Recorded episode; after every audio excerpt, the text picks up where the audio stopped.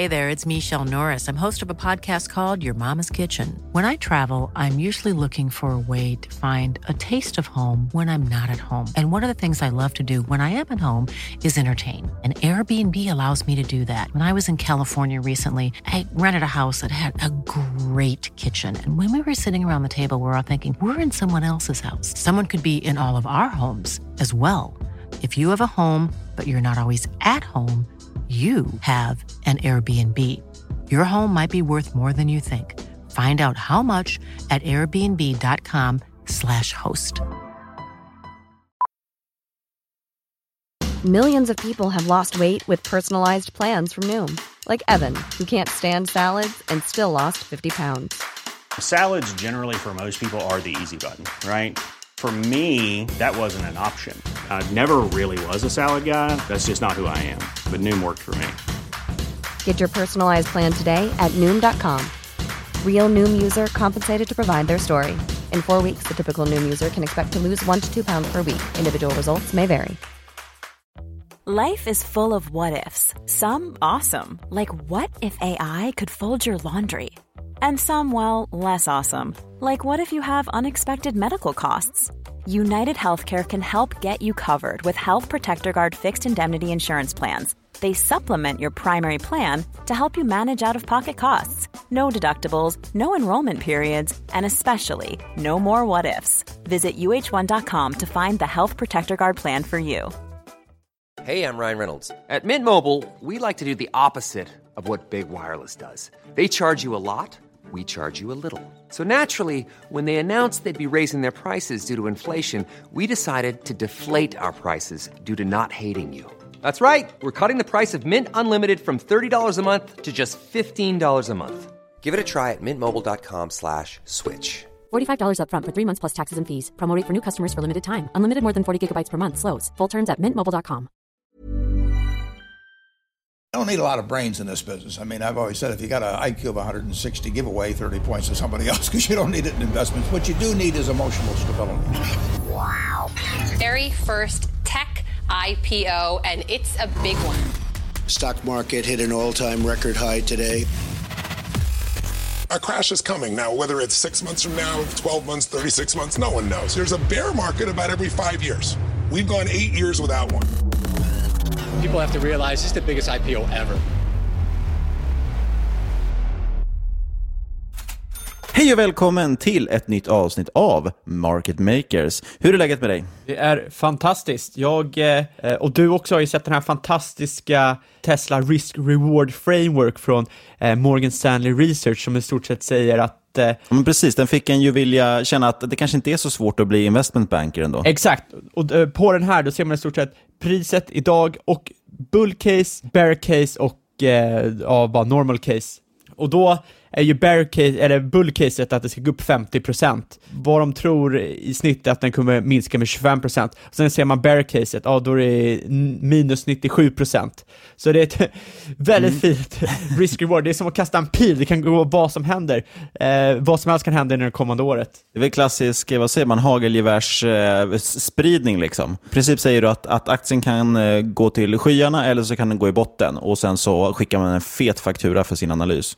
Och det är väl ungefär det vi tänkte göra i den här podcasten, så därför tänkte jag säga ingen rådgivning eller rekommendation. Vi berättar bara om vår process och hur vi tänker, gör alltid din egna analys. Och är du intresserad av spretiga analyser så hoppas jag att vi ses ikväll på den här aktiepuben vi har i Linköping. Nu är det kanske lite sent om man hör det här idag, om man inte förstås är sugen på att åka till Linköping eller redan är i Linköping. Men klockan 19 ses vi på Horse and Hound. Jag tror det blir superkul. Kvalitetsaktiepodden kommer dit och eh, ja, det är ett stort härligt gäng som har anmält sig, så det blir kul. Men Eh, nu tycker jag vi kör igång dagens avsnitt. Ja, vi pratade ju lite förra veckan, eller det kanske var för, förra veckan, om att energi just nu är extremt intressant. Eh, hela amerikanska energisektorn är ju billigare än Apple. Det är en starkt nedtryckt sektor. Om man vill kolla på de största värdecasen, om man eh, följer alla värdeinvesterare, kan man ju bara se att det absolut billigaste just nu, det är ju energi. Och eh, helt enkelt är det så att eh, speciellt amerikanska energiaktier har inte performat särskilt väl senaste året, delvis på grund av kall efterfrågan, på grund av att den globala ekonomin har ju saktat in. Och det här har gjort att de flesta bolagen tradar långt under sitt historiska snitt. Men det som är intressant är att de fortfarande producerar fantastiska kassaflöden. Och man kan ju lite fråga sig då varför energi är intressant just nu. Amerikansk energi, som sagt, ner 38% year on year om man kollar på vinsttillväxten. Men det som är intressant egentligen, det är den här andra derivaten vi pratar om, the rate of change.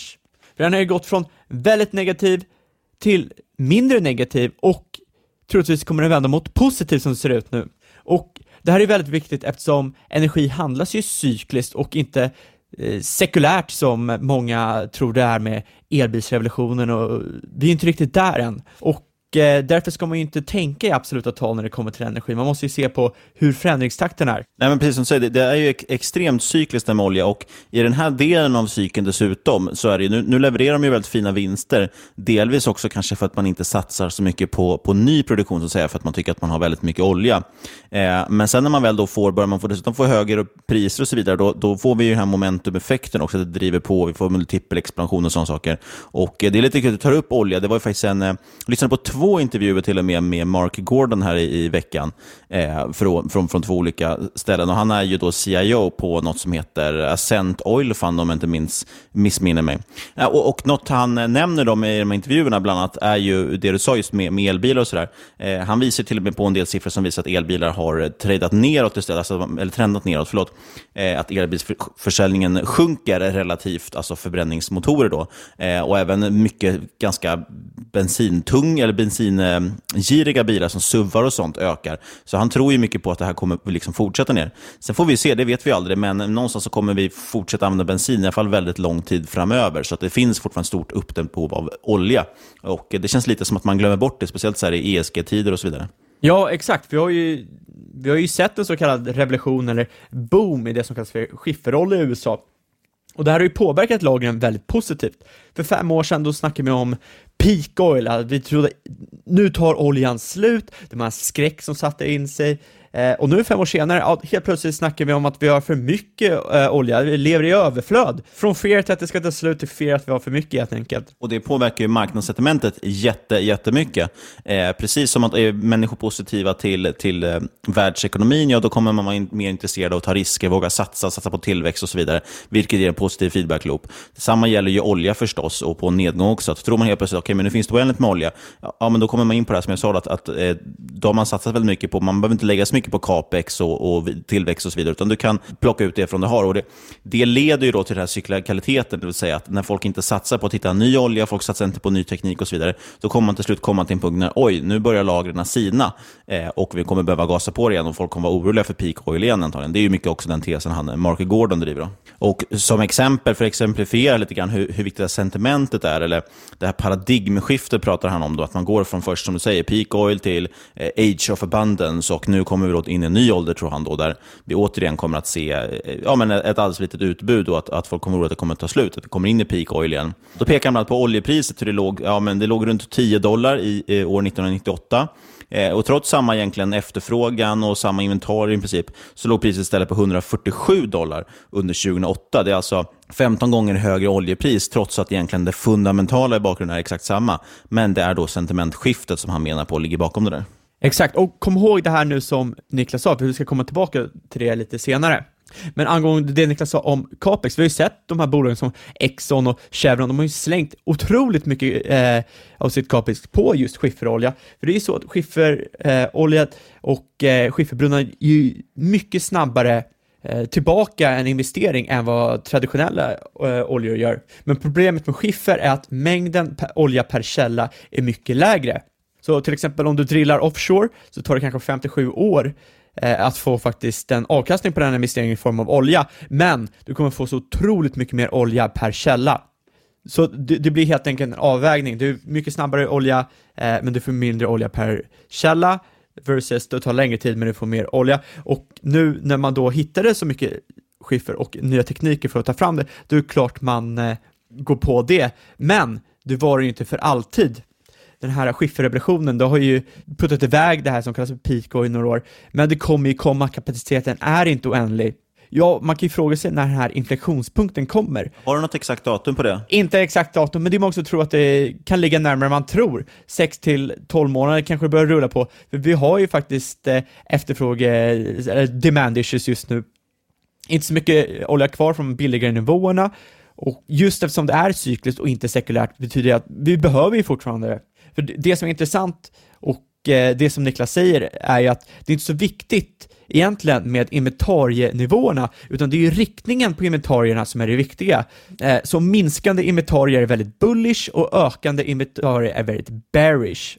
Okej, men om olja är intressant då kanske på, på åtminstone ett, ett halvårs sikt eller någonting då, så är det intressant att veta vilken typ av bolag man ska kika på. Eh, jag vet bland annat att vi fick faktiskt någon fråga ganska nyligen då om, om just det här att ja, men finns det några svenska bolag ni kikar på också? Det finns ju faktiskt några få svenska bolag man kan kika på. Men, men du tycker, tycker du USA är mer intressant eller vad ska man leta efter den här typen av bolag och vilka ska man kika på? Ja, jag tycker absolut USA just nu är mycket mer intressant än Sverige eller Norge. För det vi ser i USA är en liten annan eh, ett lite annat makroklimat än vad vi gör i eh, framförallt framförallt Europa. Det vi ser är en stagnation till stagflation i USA eh, på horisonten, det vill säga tillväxten är på väg neråt medan inflationen är på väg uppåt och det här är faktiskt ytterst positivt för energisektorn. Man kan inte riktigt säga att Sverige befinner sig där just nu. Dessutom har de inte på samma sätt självförsörjande eller liknande typ av bolag i samma mängd som eh, eh, och samma storlek som USA har. Och eftersom jag inte är ett S på energiaktier och jag tror inte att eh, Niklas är det heller, så handlar jag också heller en korg inspirerat av ETFer som till exempel XLE och VD, där det är large och giant cap aktier som har mycket bättre finanser än small och midcap och det betyder att de kommer inte rulla över, det kommer inte gå i konken när de här uh, påverkas av den cykliska marknaden som är väldigt stor risk för, uh, för cykliska bolag. Det är lite som kvalitetsaktiepodden säger, handla bästa bolagen i sämsta sektorn. Och det är väl inte 100% liknelse, men ändå applicerbart. Och eh, bara ett, ett litet förtydligande, nu kanske vi nämner det i någon annan podd, men XLE, det är alltså ETFens ticker. Så vill man kika på vilka bolag som ingår där, då söker man på XLE, så kan man hitta alla innehav som finns i den här ETFen. Exakt, och det är de här gamla godingarna. Det är Exxon Mobil, det är Chevron, det är Philips 66, det är ConocoPhillips, eh, EOG Resources, eh, Schlumberger, de här stora bolagen som alltid varit med. The usual suspects. Exakt, men en positiv grej med att inte kunna köpa de här ETFerna, för de här ETFerna är ofta väldigt eh, tungt viktade mot till exempel Exxon, och det du, så det du själv kan göra är att du kan ju likavikta det här. Inte lika billigt att köpa, men du kan ju påverka vikterna lite mer utifrån hur du själv vill anpassa din lilla portfölj. Och det vet vi från tidigare avsnitt att lika viktat är bäst. Lyssna på, återigen, jag återkommer alltid till massa intervjuer. En annan intervju jag lyssnade på eh, med en kvantanalytiker som var jävligt intressant. Han, de hade gjort ett gäng tester just för att titta på det här med market cap, eh, viktat, eh, och sen jämför de med lika viktat och så testade de även olika multiplar, till exempel titta på sales-viktat eller vinstviktat och så vidare. Och så vidare. Och så insåg de i princip allting överpresterade, market, börsvärdesviktat så att säga. Och det man i alla fall kom fram till efter ett antal olika studier och jämförelser så insåg man att det som faktiskt var det enda gemensamma med det här, det är ju att just så fort det, det enda som gjorde att de var bättre, det var att de inte var marknadsviktade. Så marknadsviktningen gav alltså ungefär ja, ett antal procent sämre resultat hela tiden. Att det var den gemensamma faktorn. Men det var en eh, sidfot. Exakt, och det är någonting man bör ha med sig i bakhuvudet. Men återgår vi då till Vanguards eh, energiindex, alltså VD, kan man kolla, de har ju många äldre bolag, det är Moats, de vi precis tog upp, men i snitt är ju indexet ner 23% på året. Och man ser också att de här, många av de här bolagen tradar långt under femårssnittet, vilket inte är konstigt med tanke på den förändringen i oljesentimentet vi har haft. I snitt är indexet 25% under femårssnittet och det är trots stark cashflow, eh, upp 26% och Eh, price per cashflow ligger på cirka 5 och det här ska då jämföras med S&P 500 som ligger strax över 9. Du får eh, ungefär halva priset för kassaflödet, eller du får samma kassaflöde för halva priset rättare sagt. För som sagt, Långsiktigt så minskar inte efterfrågan på oljan, eh, i alla fall inte den grad till den har handlats ner nu. Bör, bör hela amerikanska energisektorn handlas billigare än Apple? Eh, tveksamt. Eh, fossila bränslen kommer troligtvis användas längre än vad vi tror. Eh, inte minst används det ju för att ta oss fram och göra oss varma. Det kommer inte ändras som Niklas säger. Folk handlar fortfarande eh, förbränningsmotorer väldigt, väldigt gärna. Eh, och de här elbilarna, var får du elen ifrån? Ja, inte fan är det solceller. Du sitter ju och bränner kol för att få det liksom. Och eh, inte för att nämna att det används ju fortfarande att producera vår mest använda material, nämligen plast. Känns, eh, känns som en optimi- man är optimistisk inför framtiden, med det här med miljöhotet och så vidare. Exakt, men då tänkte jag faktiskt att vi skulle kunna ta upp, eh, för det är en jäkligt bra story, att eh, både för och emot olja, det här sekulära skiftet, men också som vi tog upp nu, att ah, det sekulära skiftet kommer inte komma på ett tag. Och jag tyckte eh, Jim O'Shaughnessy skrev en rätt bra sak på Twitter om Daniel Kahneman, och det är kanske rätt självklart, men kanske inte skadar att upprepa. Vad tycker du, ska jag, ska jag ta upp det? Nej, vad, gör inte det. Bara liksom hinta om att det har hänt. Det är ju mycket mer bättre innehåll om man bara säger om någon, att någonting var intressant, men så berättar man inte vad det var. Okej, men tror då hoppar vi vidare. Nej men okej, Daniel Kahneman, för de som inte känner till det, det är fadern till det som kallas behavioral economics. I en forskningsartikel som han skrev 1973 som hette On the psychology of prediction, så säger han att intuitiva liksom, förutsägelser är oberäkneliga eftersom människor anpassar eh, det de förutsäger utifrån hur väl ett event passar sin egna story.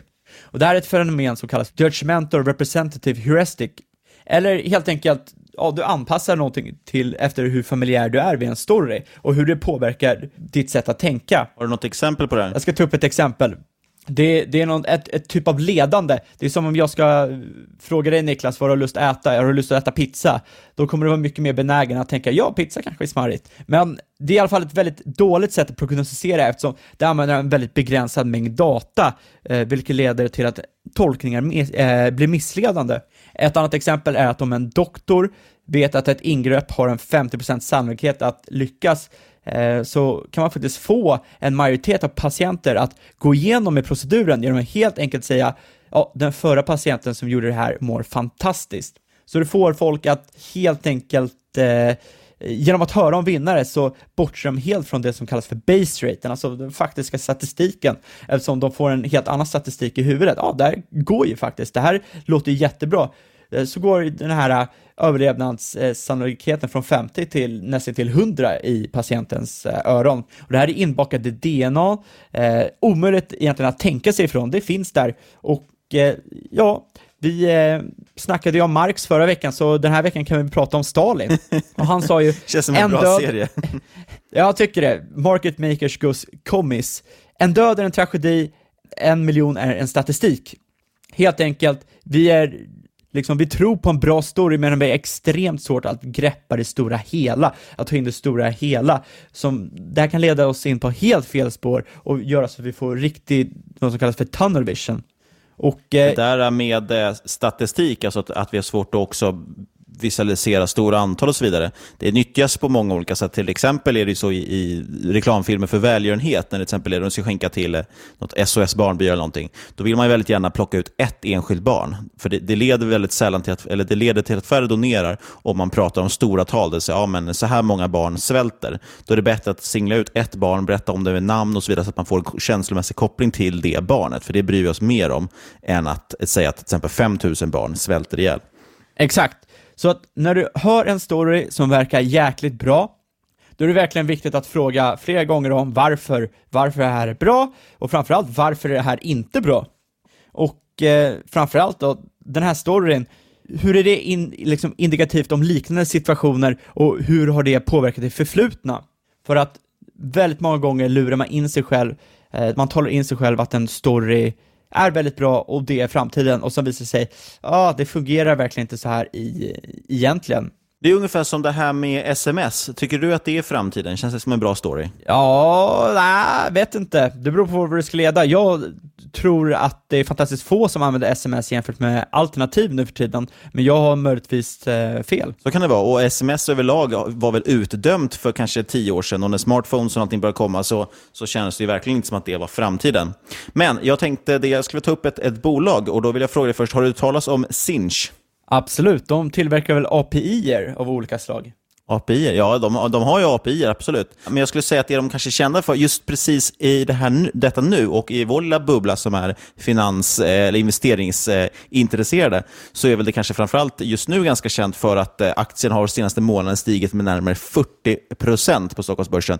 Eh, på tre månader har man dubblerat aktiekursen och zoomar vi ut i årsskiftet så har Sinch aktiepris gått upp med över 200 procent. Det är en ganska otrolig utveckling, eller hur? Kan man ju tänka sig att det har skett någon form av genombrott i, i det här bolaget, eller? Kanske det. Det är en helt okej utveckling. Det är väl som börsen.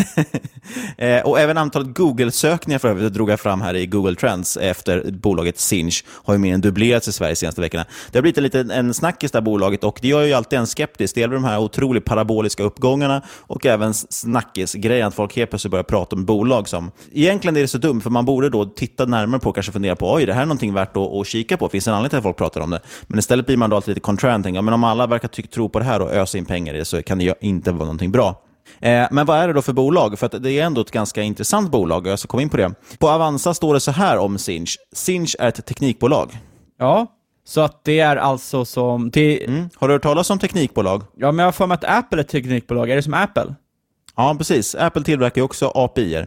Eh, bolaget i alla fall, de erbjuder... Tillverkar man ens API? Är det ens rätt, är det ens rätt sak att säga? Man säger, man säger väl inte att man tillverkar ett API? Jag skulle säga att man, ut, man utvecklar API. Ja, det skulle jag också säga. Man utvecklar ett API. Ord är inte min grej. Bolaget, tur att du inte, har en, tur att du inte jobbar i ett media där man ska forma ord i alla fall. eh, bolaget erbjuder molnbaserade kommunikationstjänster som gör att kunderna kan integrera meddelande, alltså sms, och röstapplikations och mobildatatjänster i sin verksamhet. Det låter ju flummigt. Eh, det mest konkreta exemplet på en av deras produkter kan vi prata om, det är till exempel de här olika typer av sms. Till exempel, har du någonsin varit hos en frisör eller tandläkare och så fått ett sms med en påminnelse i mobilen? Ja, det har jag. Mm. Och det är precis en sån typ av produkt som Sinch levererar. Men sen har man även lite med röster och, och sådana saker också. Eh, men det är väl sms som är väl det man pratar om och det är kanske det för att det är mest lätt att, att greppa också. Men det handlar också om kommunikationstjänster för att hantera kritisk information, och så banker, flygbolag, aktörer inom sjukvården och så vidare. Så vidare. Eh, man startade under 2008 och har sitt huvudkontor i Stockholm. Och som sagt, jag har duckat det här bolaget lite grann av två anledningar. Dels för att den stigit så mycket på kort tid och det har blivit något av en liksom, snackis. Det, det känns alltid som en så varningsflagga. Eh, precis som att man ska akta sig för bolag där GV har investerat. eh, och sen så tycker jag att det de sysslar med, alltså sms, känns också lite osexigt. Och då undrar jag, hade du talat, har du talat om sms? Aldrig. Jag använder ju Messenger och WhatsApp uteslutande. Okej. Okay. Ja, nej, skämt åsido. Eh, jag ska återkomma till sms, men eh, låt oss först bara berätta kort lite mer om bolaget. Man är ett så kallat PAS-bolag, alltså Platform as a Service. Eh, och nu tänker väl någon att nu får det räcka med de här as a Service-bolagen. Eh, men just, just PAS, faktiskt, Platform as a Service, är ju ett ändå ganska väletablerat begrepp inom it-världen. Ett annat jättekänt exempel är till exempel AVS, alltså Amazons Web Services, eh, eller Microsoft Azure-plattform, de här molntjänsterna till exempel. Man, det vill säga man bygger en plattform i molnet där folk kan kan göra saker på. Till exempel i det här fallet att skicka sms. Det är ett ganska stort bolag. Då. Man, har, man har huvudkontor i, i, Stockholm, men totalt har man kontor i över 30 länder. Däribland bland städerna London, San Francisco och Singapore. Eh, och jag trodde att det här var ett ganska litet bolag. Dels för att man inte hört namnet förut och för att det var en sån här riktig aktieraket. För då tänker man att det är något litet eh, aktietorgetbolag eller så, men det här är noterat på midcap. Eh, och man omsatte ju 2018 närmare 4 miljarder eh, och ligger nu på rullande 12 månader på alltså 4,6 miljarder. Så det är ändå ett stort bolag. Listade på midcap som sagt, har en jädra massa kontor. Otroligt imponerande ändå. Eh, och vad kan man lära sig av det här Fabian? Jo, att man, eh, jag måste sluta dra förhastade slutsatser. Ja, men det är du väldigt bra på. Tack så mycket. Å andra sidan, man ska, man ska inte sluta göra saker man är bra på. Exakt. eh, jo, men eh, det är lite stökig historia det här bolaget har bakom sig. Eller stökig ska jag inte säga, men det är stökigt för att Sinch har jag i alla fall inte hört talas om på, på särskilt ofta. Men däremot har jag hört talas om CLX Communications. Och det är nämligen så här, för Sinch grundades egentligen 2014, men sen blev man uppköpt av CLX Communications och de i sin tur grundades 2008. Eh, och de rebrandade sig sig då till Sinch. Man tog över det här namnet. Och som sagt, då, så CLX, eller det som numera heter Sinch, ja, det grundades 2008. Och man har faktiskt varit lönsam ända sedan start. Det tycker jag är väldigt intressant. Och Det gör också att man har ganska låg skuldsättning, eh, som antagligen hade varit noll om det inte var så att man satsade på att göra lite förvärv då längs vägen. Eh, och då kan vi nämna då, man pratar om att man gör egentligen två typer av förvärv. Man är ändå, har en aktiv förvärvs, förvärvsagenda, som man säger. Eh, man letar framförallt förvärv inom kategorier, antingen sånt man kan förvärva skalbarhet och vinst genom att, att köpa in verksamheter som man kan få synergier mer, flytta över deras meddelandetrafik trafik och sånt till vår egna plattform och så vidare. Men så letar man också då såklart teknikbolag som gör att man helt enkelt kan bygga en ännu mer intressant eh, plattform för sina kunder. Och lite sidokuriosa, vet du vad CLX stod för i CLX Communications? Står vi för något snuskigt kan jag tänka mig. Det är, romerska, det är romerska siffror som helt enkelt betyder 160. Och det är ju alltså maximala antalet tecken i ett sms. Men det har väl blivit höjt till 280 nu? Ja, ja. Nej, nu pratar du om Twitter. det är olika saker. Twitter och sms är inte samma sak, Fabian. Välkommen in i... Vi är snart inne i 2020-talet, för fan. Häng med nu. Eh, som sagt, man sysslar med sms. Eh, och Det här är inte hela affären, men det blir ofta så att man kokar ner det. Som, som i allt så säger man att det här är Uber för X. Eh, så säger man att det här är ett sms-bolag. Eh, och Det låter kanske lite omodernt. Då. Vi är som sagt snart inne i ett nytt årtionde. Eh, men just kommunikation via sms och även då viss del samtal är faktiskt högintressant. Delvis tänker jag på det vi pratade om, eller det du tog upp i förra avsnittet om det här med eh, plattformshysteri. Man trodde att alla skulle ha en app för varje enskild grej. I slutändan använder man ju dock kanske mer, ja men man använder Google för att söka fram typ allt. Och eh, många företag hoppades också på att den här appen då folk skulle ladda ner, den skulle vara en bra möjlighet att kunna kommunicera, bland annat via pushnotiser som stör en som tusan. Eh, men faktum är att folk inte pallar ladda ner så mycket appar. Eh, dessutom har man ju stängt av pushnotiser om man är frisk. Eh, och Det gör ju att det liksom inte går att kommunicera med dem. Ungefär hälften faktiskt av alla som har en smartphone eh, laddar inte ens ner en app per månad, visar statistiken. Eh, så sms är ju otroligt kraftfullt, för det, det bryter ju igenom bruset, kommer rakt in i din telefon, oavsett om du vill eller inte.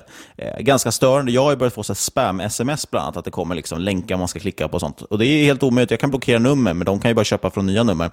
Och totalt, det här är det mest intressanta, man har ju en marknad som är extremt stor. Eh, den består ju i princip av 100% av alla människor i den utvecklade världen. Och totalt tittar vi världen över så har man runt mellan 5-6 miljarder människor eh, som har en telefon med sms-kapacitet. Så tammen, total addressable market, är ju enorm. Nästan lika stort som matindustrin kan man säga.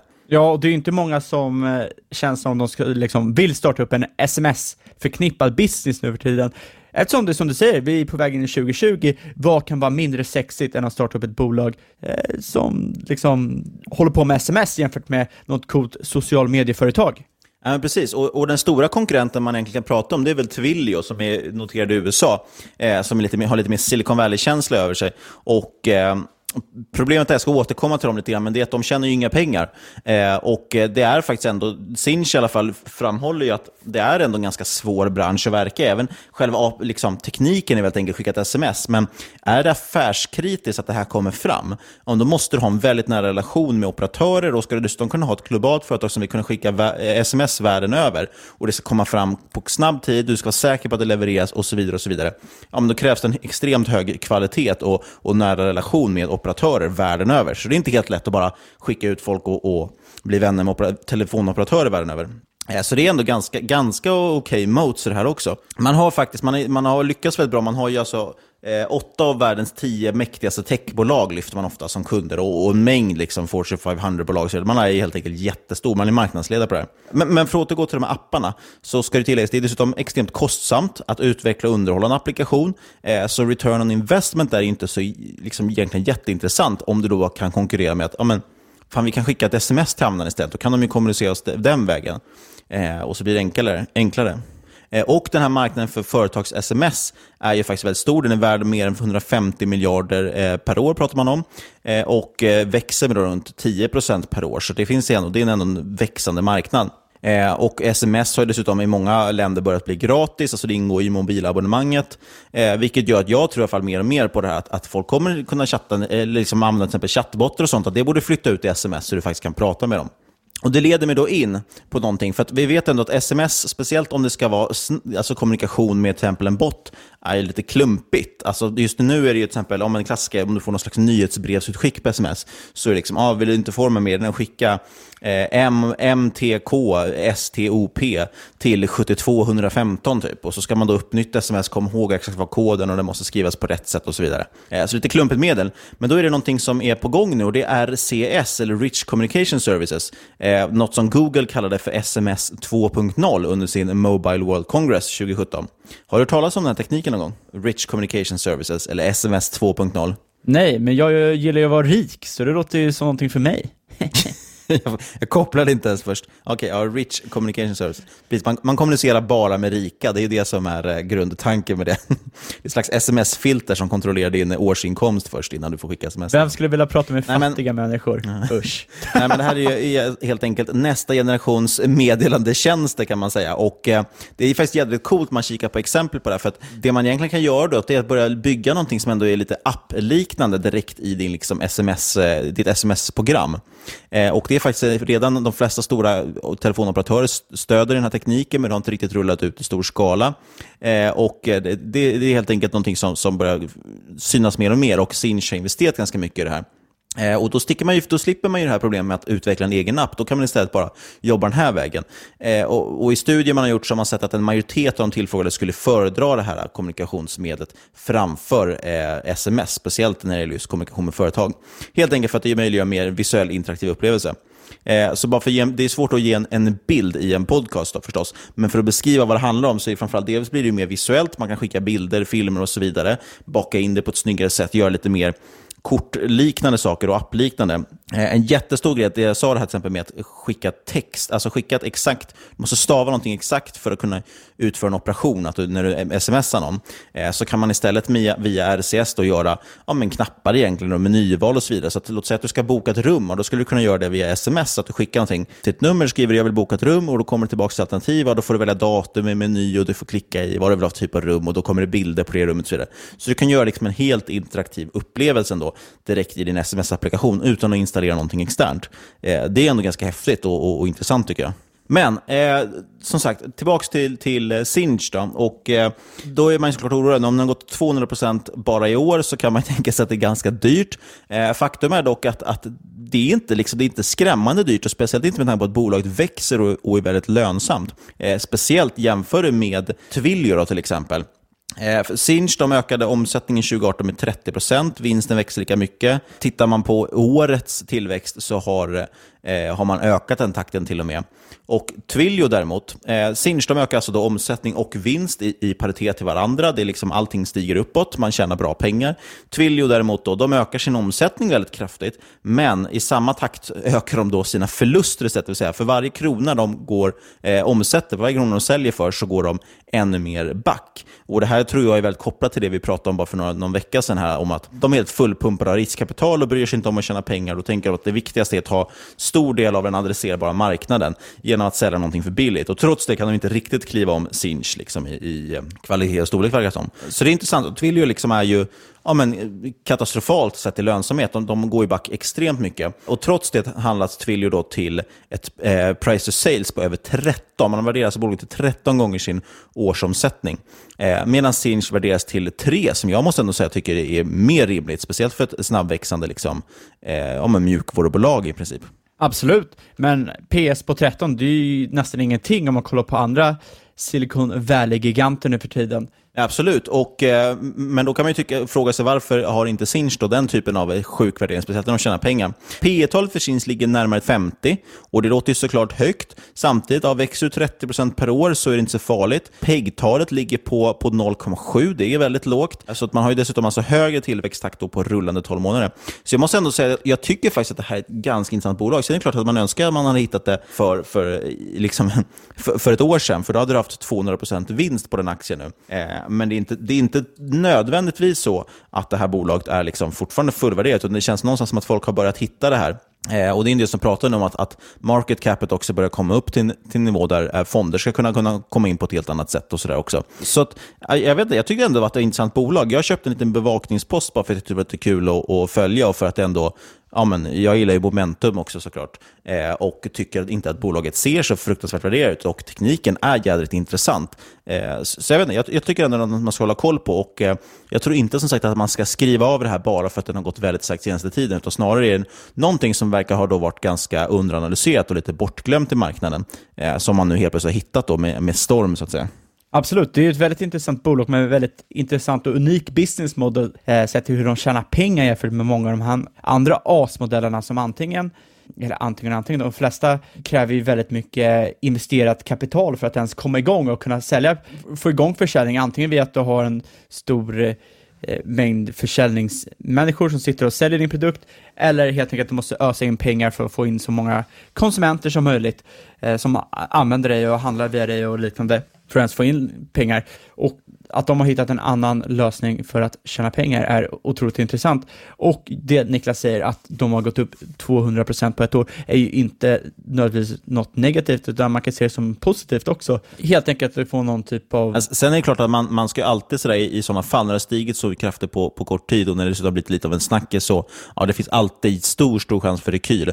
Eh, och det brukar dessutom också förstärka sig själv. Men har man då liksom tagit det här tillfället i akt och tittat på bolaget så kan det vara så att det kanske är intressant att, att skopa upp på de här, på, på nivåer under då, om de får lite dipp. Eh, jag tyckte som sagt att det ändå är intressant. Jag tycker inte att det är blodigt om, om man kan hålla en, en liknande tillväxttakt framgent också. Absolut, det viktigaste är att man inte ankrar sig fast. Det är där som är det stora omet. Exakt, men det är viktigt att man inte ankrar sig fast vid gamla priser, för det spelar ingen roll. Eh, du kan ju fortfarande få, jag har faktiskt ingen koll på vad värderingen var för ett år sedan, men jag kan nästan slå vad om att det ser billigare ut nu än vad det gjorde då trots en uppgång. Nej, nej men så är det. Och, och P tal tittar man det, jämför man det med till exempel 2018, då, ja, då, då har det nästan dubblerats. Men å andra sidan, tittar man några år tillbaka till det, så är det inte jättelångt ifrån snittet. Det har legat här någonstans kring 30-40 och så vidare. Däremot är det ganska intressant, tittar vi på PEG-talet, just för att man fått upp tillväxttakten, så har faktiskt PEG-talet sjunkit lite grann från förra året. Så att allt beror på lite vad man tittar på och eh, vad man egentligen eh, värderar för någonting. Alltså är det tillväxten vi kikar på eh, som är intressant att, att lägga vikt vid, så att säga.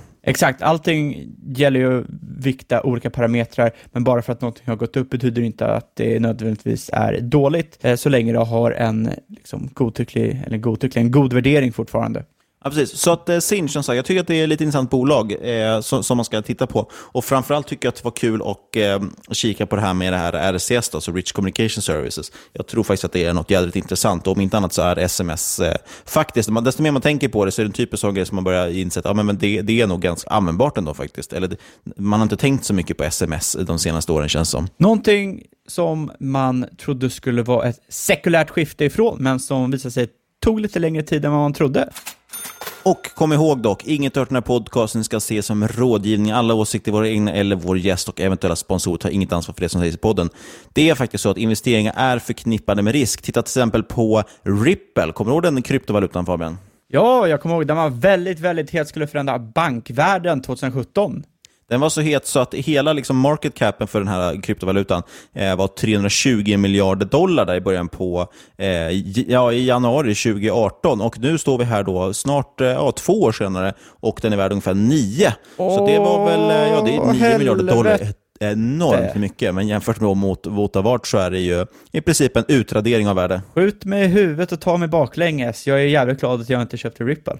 Hoppas inte att, att det är någon som sitter på dem. Men vi är intresserade av att eh, prata ut om er sorg efter att ha investerat i Ripple i januari 2018 så kan ni kontakta oss på podcast.marketmakers.se eller på Twitter at marketmakerspod, podd med ett D. Och Sen hoppas jag såklart att ni reachar out, säger man så? Att ni kontaktar oss genom att dyka upp aktiepubben ikväll klockan 19. Eh, Horse i Linköping om man nu sugen. Det är alltså på torsdag den, eh, vad är vi då, 12 december när det här släpps. Så att, eh, lyssnar ni här på kvällen, ja då får ni skynda er om ni ska hinna dit. Ja, och om ni eh, lyssnar på den här ännu senare på kvällen får ni göra som Martin McFly och hitta en DeLorean och ta er tillbaka till eh, framtiden. Så är det. Men du, om vi inte ses på Aktiepub, var ses vi då, eller hörs vi då? Ja, ni kan höra av er till podcast at marketmakers.se. Nej, men det har vi sagt. Vi hörs igen om en vecka, skulle jag säga. Sa du det? Ja, jag har sagt det. Ja, då kan vi säga så här då. Sist men du skulle svara på min fråga. Jag frågade, vad, vad, vad hörs vi annars? Eller när hörs vi annars? jo, vi hörs om en vecka. Jo, vi hörs om en vecka. Försöker få till något här. Tänk om man gjort det här i 120 avsnitt. Oh.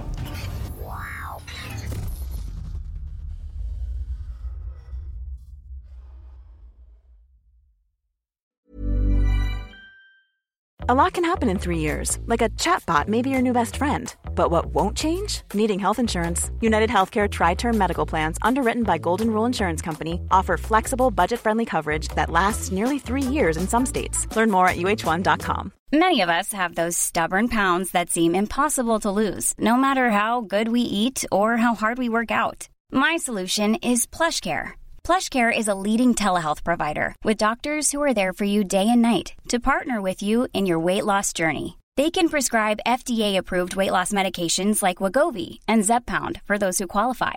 Plus, they accept most insurance plans. To get started, visit plushcare.com slash weight loss. That's plushcare.com slash weight loss. Quality sleep is essential. That's why the Sleep Number Smart Bed is designed for your ever evolving sleep needs. Need a bed that's firmer or softer on either side? Helps you sleep at a comfortable temperature? Sleep Number Smart Beds let you individualize your comfort so you sleep better together. JD Power ranks Sleep Number number 1 in customer satisfaction with mattresses purchased in-store. And now, save 50% on the Sleep Number limited edition Smart Bed for a limited time. For JD Power 2023 award information, visit jdpower.com/awards. Only at a Sleep Number store or sleepnumber.com. Hey, it's Ryan Reynolds, and I'm here with Keith, co star of my upcoming film, If, only in theaters, May 17th. Do you want to tell people the big news?